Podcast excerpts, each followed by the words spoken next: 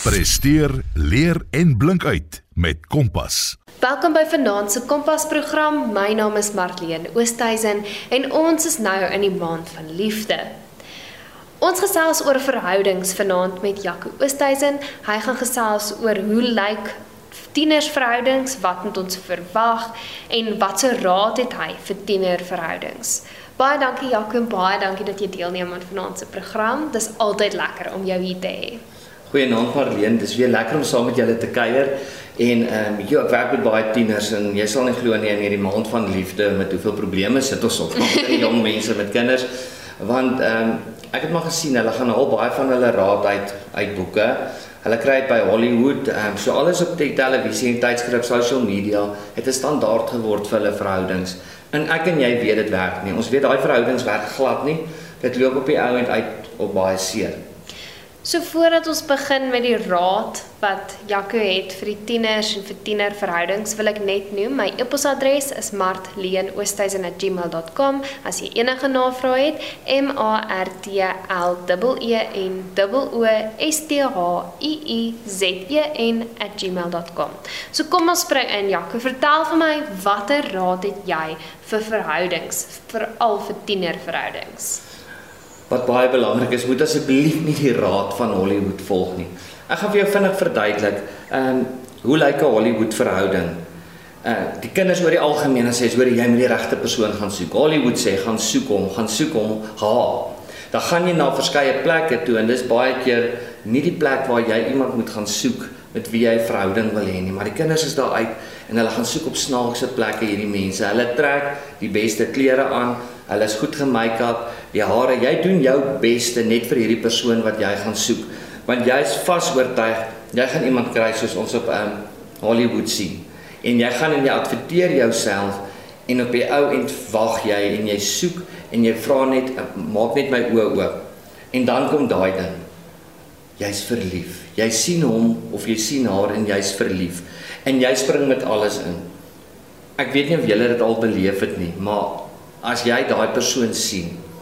Ek het weet nie om dit anders te beskryf as jou IQ val sommer met 50% nie. Want jy staan daar, jy het nie woorde nie. Die mans veral, die seuns, hulle val oor hulle woorde, hulle is lomp, hulle weet nie hoe om te reageer nie, want hulle is nou verlief. Want al wat hulle vir mekaar sê, kyk hoe kyk sy vir my. Dink jy stel sy stel belang in my. So, ons gaan soek hulle en dan kry jy die verskriklike belangrike uh, aandag wat jy wil sê, net daai kyk waarna jy soek en dan kry jy hierdie gevoel. Jy het hierdie gevoel wat jy nie kan beskryf nie en ons weet dit beïnvloed die eksamen, dit beïnvloed toetse want al wat hierdie in se kop is, is by hierdie wonderlike ou of meisie wat hulle al lank al wou gehad het. So dan is hulle op daai verliefde stadium. En ongelukkig, dis nie vir my lekker om die derde ding te noem wat Hollywood doen nie, maar die jong mense gaan en hulle bou al hulle hoop en hulle drome in die persoon wat nou op hierdie stadium hier voor hulle staan vir wie hulle lief is. Weet jy as hy verskriklik. Ek hoor al dan stap ek so en ek hoor hoe die kinders praat dat daai twee wat uitgaan, het selfs al vir hulle kinders name. So hulle dink jy verskriklik te goed uit en dan ons ken die liedjies ook in die sê goed. Byvoorbeeld die liedjies wat sê ehm um, jy's my beter helfte, die liedjies wat sê ehm um, jy weet I'm I'm all out of love, I'm, I'm lost in love. Ja. Hulle noem al daai goed en hulle sê dis presies waar hulle nou is en hulle gaan groot met hierdie ding voor hulle en hulle verwagting is dan dat jy dat hierdie ander persoon jou of my moet complete op hierdie stadium.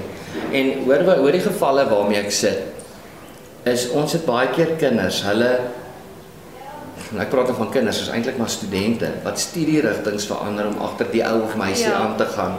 Universiteite verander om agter hierdie persoon aan. Hulle gaan heeltemal, hulle bou hulle hoop en hulle drome suiwer op daai op daai persoon wat nou om jy daai jy weet op daai ouderdom glad nie hoe lank hierdie verhouding eers gaan hou nie.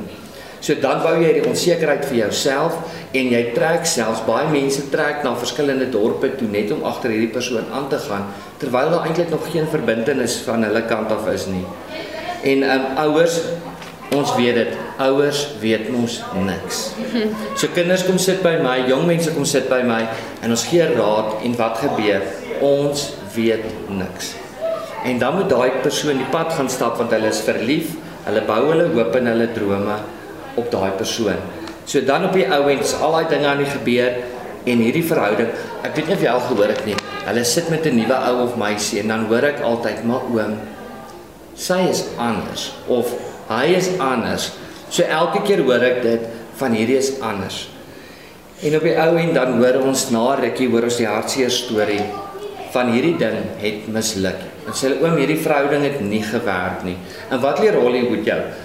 As jou verhouding misluk, herhaal stap 1, 2 en 3. Met ander woorde, gaan soek die regte persoon, word verlief, bou al jou hoop of drome op haar en dan gaan jy aan en as dit misluk, dan herhaal ons weer stap 1, 2 en 3. Dit is ons soos hulle nou mooi in rekenaar taal praat ons default settings. Want wat is die verskonings wat ek hoor as verhoudings nie werk nie? Kinders sê vir my reguit, ons pas nie by mekaar nie. Of jy het al hierdie een gehoor, die hulle sê in die Engelse woord die spark is weg, met ander woorde is geen vonk meer in die verhouding nie of die gevoel is weg.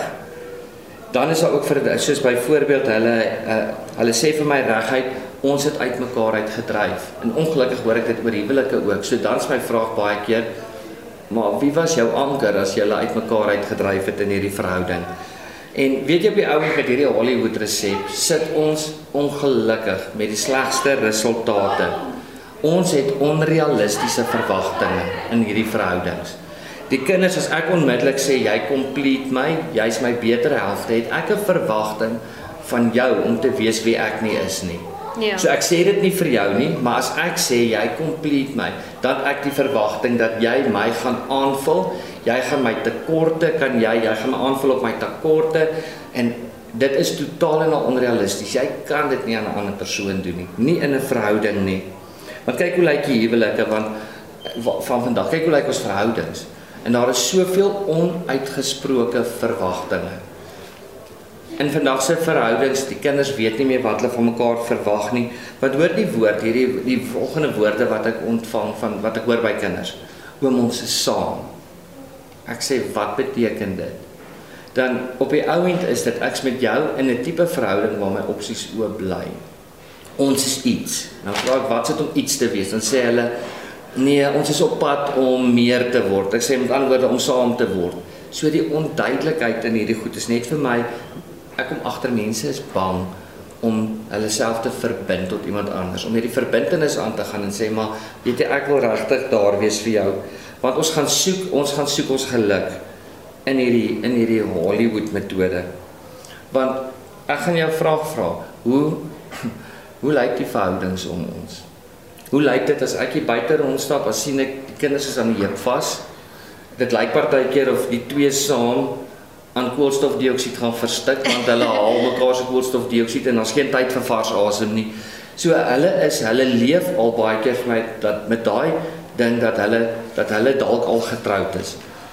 Maar ek wil as jy as jong mens vanaand luister, wil ek jou vra. Kom ons kom eerder by God se plan uit vir verhoudings. God se plan is so mooi, God se plan is so skoon en God se plan werk. Gaan praat met mense wat lank getroud is as jy twyfel in hierdie. Ek en my vrou het die voorreg om nou meer as 24 jaar getroud te wees. Grootste soos ek dit kinders sal sê blessing in my lewe. Maar ons moet by die goddelikheid uitkom van verhoudings. Hoor bietjie hoe mooi as ons by God se plan kom. Hoor wat sê Efesiërs 5 vers 1 en 2. Omdat julle God se kinders is wat hy liefhet, moet julle sy voorbeeld volg. Ja, leef 'n lewe van liefde. En dan staan daar verder: Die lewe van liefde is soos Christus liefgehad het deur sy lewe as 'n aangename reukoffer te gee. As ek hierdie lees en ons praat van 'n lewe van liefde, dan moet jou verhouding 'n aangename reukoffer wees waar jy ook al beweeg. So sê vir my dan nou hoe lyk tienerverhoudings of wat kan hulle gebruik om om in 'n gesonde verhouding te wees? Ek vra die kinders die volgende vraag. Ek sê ek gaan nie vir julle twee vra nie. Ek wil hê met die mense om jou vra met hierdie reekoffer in gedagte, hoe ryk ons verhouding? Met ander woorde, hoe lyk ons verhouding? Is dit mooi? Is dit goddelik? Is dit wat julle sien iets waaroor julle skaam kry of is dit iets wat 'n aangename reekoffers mense sê maar ek wil ook so 'n verhouding hê? En weet jy dan kom die kinders, nou kom hulle agter hulle verhouding lyk nie so mooi vir die mense daar buite nie. Party kinders sê vir is regheid vir mekaar, maar ek kan nie glo dat julle die hele tyd so aan mekaar kan hang, dat julle nie vir mekaar bietjie sonder mekaar kan klaarkom nie. Ehm um, want hoor om terug te kom na die Hollywood resepte toe. Ek het 'n verskriklike ding gehoor. Ek het gehoor daar's tieners wat op WhatsApp en tot hulle aan die slaap raak met mekaar gesels. Want hoor die verskoning. Ek kan nie aan die slaap raak as ek nie met hom of haar gesels nie. So daai afhanklikheid is glad nie gesond nie. En as ek nou praat van hierdie aangename reukoffer, hoe doen jy dit? Ehm um, jong mense, ek wil jou vra, ek het so 3. Hier's 3 goed wat jy moet volg. Ons gaan baie keer uit en ons soek daai regte persoon, soos Hollywood sê.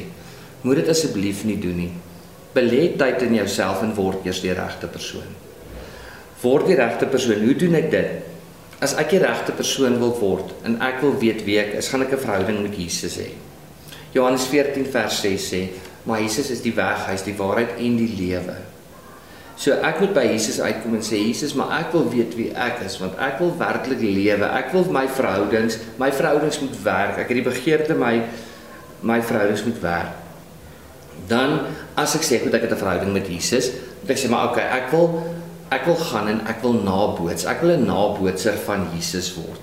Ek wil hê mense moet my sien, hulle in meisies in 'n geval van 'n seun, meisies moet raak sien maar hierdie ou is regtig 'n nabootsing van Jesus. Hy leef 'n goddelike lewe. En ek wil in die meisies wil saam met iemand wees na wie hulle kan 'n man na wie hulle kan opkyk wat 'n navolger van God is wat in nederigheid voor hom lewe. Soos jou lewe, vergeet van jou verhouding, maar jou lewe moet 'n aangename reukoffer wees. Want ja Efesiërs 5 vers 1 en 2 sê omdat julle God se kinders is, leef in liefde. Begin 'n lewe van liefde leef. Begin dit uitleef dat God jou volmaak van sy liefde, dat hy jou volmaak van sy heerlikheid om te wees wie jy moet wees, dat hy sal gaan en jou dat hy jou sy karakter sal leer.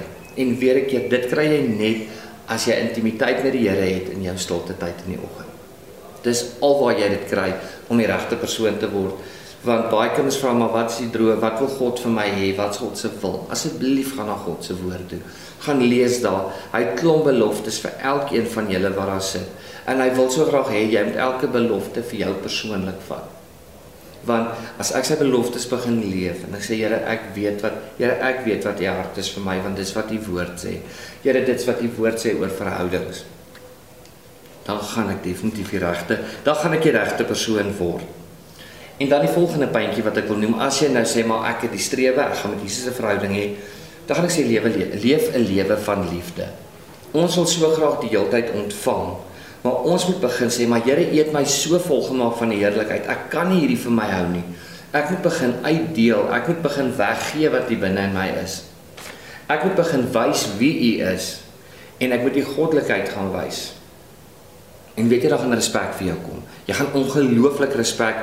Mense gaan vir jou respek hê omdat elke besluit goddelik gaan wees en omdat jy lief gaan hê. Onthou mense verdien nie liefde nie. Ek het so 'n mooi definisie van liefde raak gelees. Die definisie sê liefde is om vir iemand te gee wat hulle die nodigste het wanneer hulle dit die minste verdien. Ja. So liefde is nie net vir mense wat dit verdien nie. Liefde is om uit te gaan deel. Toe ek in graad 4 tot bekering gekom het in ons tyd nog standaard 2, het ek gegaan en ek het op my knieë gegaan. My oupa het my Bybelversie gegee en dit het my lewe verander. En ek het op my knieë gegaan en sê: "Maar Here, ek wil ek wil eendag met 'n prinses trou." en wat die Here toe vir my daar daarna geopenbaar het in my lewe as jy as jy eendag met 'n prinses wil trou moet jy elke meisie soos 'n prinses behandel wat oor jou pad kom so daar sou die respek vir meisies begin en daarom het jou waardes uitgekom en die keuses wat jy maak na aanleiding van die Bybel en dan ry uit na mense toe en wees bietjie onregverdig ek het agtergekom God is onregverdig En daarom het ek die keuse gemaak om die mense na aan my ook onregverdig te behandel. Maar, maar wat bedoel jy daarmee? Se verhouding nie 50-50 en jy jy deel met mekaar, jy is regverdig in 'n verhouding nie. Weet jy ek wil onregverdig op 'n positiewe manier gebruik. Ek het gesien God behandel my onregverdig. En wat bedoel ek daarmee? Elke dag gee hy my wat ek nie verdien nie. Hy gee my wat ek nie verdien nie. Hy gee my vergifnis. Hy gee my tweede kansse. Hy gee my liefde, die geleenthede wat hy gee. Ek verdien dit glad nie. As ek kyk na wat ek verdien, dan verdien ons eintlik nie eens die lewe nie. En 'n aanleiding van wat Jesus gedoen het, is hy onregverdig teenoor my. En onregverdigheid in 'n verhouding begin gaan gaan daaroor dat ek sal jammer sê. Jy verdien nie dat ek nou jammer sê nie. Maar jy is my belangriker as om reg te wees. So ek gaan gaan en ek gaan sê maar hoorie, ek is jammer. Ek's jammer oor my aandeel. Maar as een persoon jammer sê, dan kom maar gouer herstel in 'n verhouding en dis 'n goddelike verhouding van liefde. En om die ander persoon suiwer net te vergewe, dis 'n goddelike daad. Dis wat hulle nie verdien nie. Hulle verdien glad nie die vergifnis nie. Maar wat God doen is onregverdig. So ek en jy moet daai nabootser wees wat ons sê, maar Here, ek gaan nie so naboots, ek gaan vergifnis uitdeel. Ek gaan liefde uitdeel vir mense wat dit nie verdien nie. So ek weet nie of dit die vraag Nee, antwoord nee, rondom nee. onreg onregverdigheid nie. Ons gesels met Jaco Oosthuizen wat meer vir ons vertel oor verhoudings onder tieners en veral hoe hulle 'n wonderlike en mooi verhouding kan hê. Verhoudings lyk anders wanneer jy op die tienerstadium is en die hoërskool is as grootmensverhoudings en Jaco gaan meer daaroor gesels. Verskriklik baie dankie Jaco dat jy deelneem aan vanaand se program. Jy het begin om te gesels oor wat um, wat is die raad vir tieners wat jy het en hoe tienerverhoudings moet lyk. So jy het nou half gesê jy wil graag gesels oor jou drome vir verhoudings en tienerverhoudings. So verskriklik baie dankie dat jy deelneem aan vanaand se program en kom ons gesels. Maar die derde punt rondom verhoudings wat vir my baie belangrik is, is dat my verhoudings op die eind God se goedkeuring moet wegdra. Dit moet my hoop en verwagting word. Waar's nou nou gesê in die Hollywood metode, my hoop en verwagtinge is in jou. Wil ons op hierdie punt sê maar my ek wil hê my hoop en verwagtinge moet God se wees, moet sy goedkeuring wegdra in my verhoudings. En in die Hollywood metode het ons nou nou gesê maar jy jy moet iemand gaan soek en op hierdie punt wil ek vir sê maar ons moet nie soek nie. Ons moet God toelaat om die regte mense na ons toe te stuur, maar die betekenis van dit is ek en jy moet op die plekke kom waar ons 'n goddelike man of vrou gaan ontmoet. Ons gaan hulle nie in nightclubs ontmoet nie. Ons gaan nie op daai plekke ontmoet nie. Want ek dink baie keer aan ehm um, as ons moet wag vir die regte persoon. Ons is verskriklik lui om te wag. As jy in die Bybel gaan lees met Abraham byvoorbeeld, het God hom gesê ek het 'n seun van die belofte vir jou. En die seun is mos natuurlik Isak. En hulle het moeg geraak om te wag hy en Sara en op die ou end maak hulle toe 'n plan, 'n menslike plan, 'n vleeslike plan en hierdie Ismael is gebore. Ismael is gebore en op die ou end was daar groot ons weet in die geskiedenis daarna was dit eintlik groot moeilikheid en 'n kopseer vir Abraham ook gewees. So sal jy vir my net uitbrei daaroor soos hoe werk, hoe pas hierdie in by tienerverhoudings? Ek dink die beste manier om dit te gaan verduidelik is met my vrou. Toe ek ek is ek is vroeg in my lewe getroud, maar die Here ek het 'n verskriklik gebid oor my vrou. En die Here het net vir my gesê, "Hoorie, wag, jy gaan die wonderlikste vrouens nou ontmoet, maar wag. Jy gaan weet as dit die regte een is." In daai tyd ontmoet ek vrouens. Ons gaan drink koffie en dit is die lekkerste kuiers wat ek het in 'n um, ongelooflike tyd saam met vrouens, maar geen vaste verhouding nie. En toe gebeur die volgende.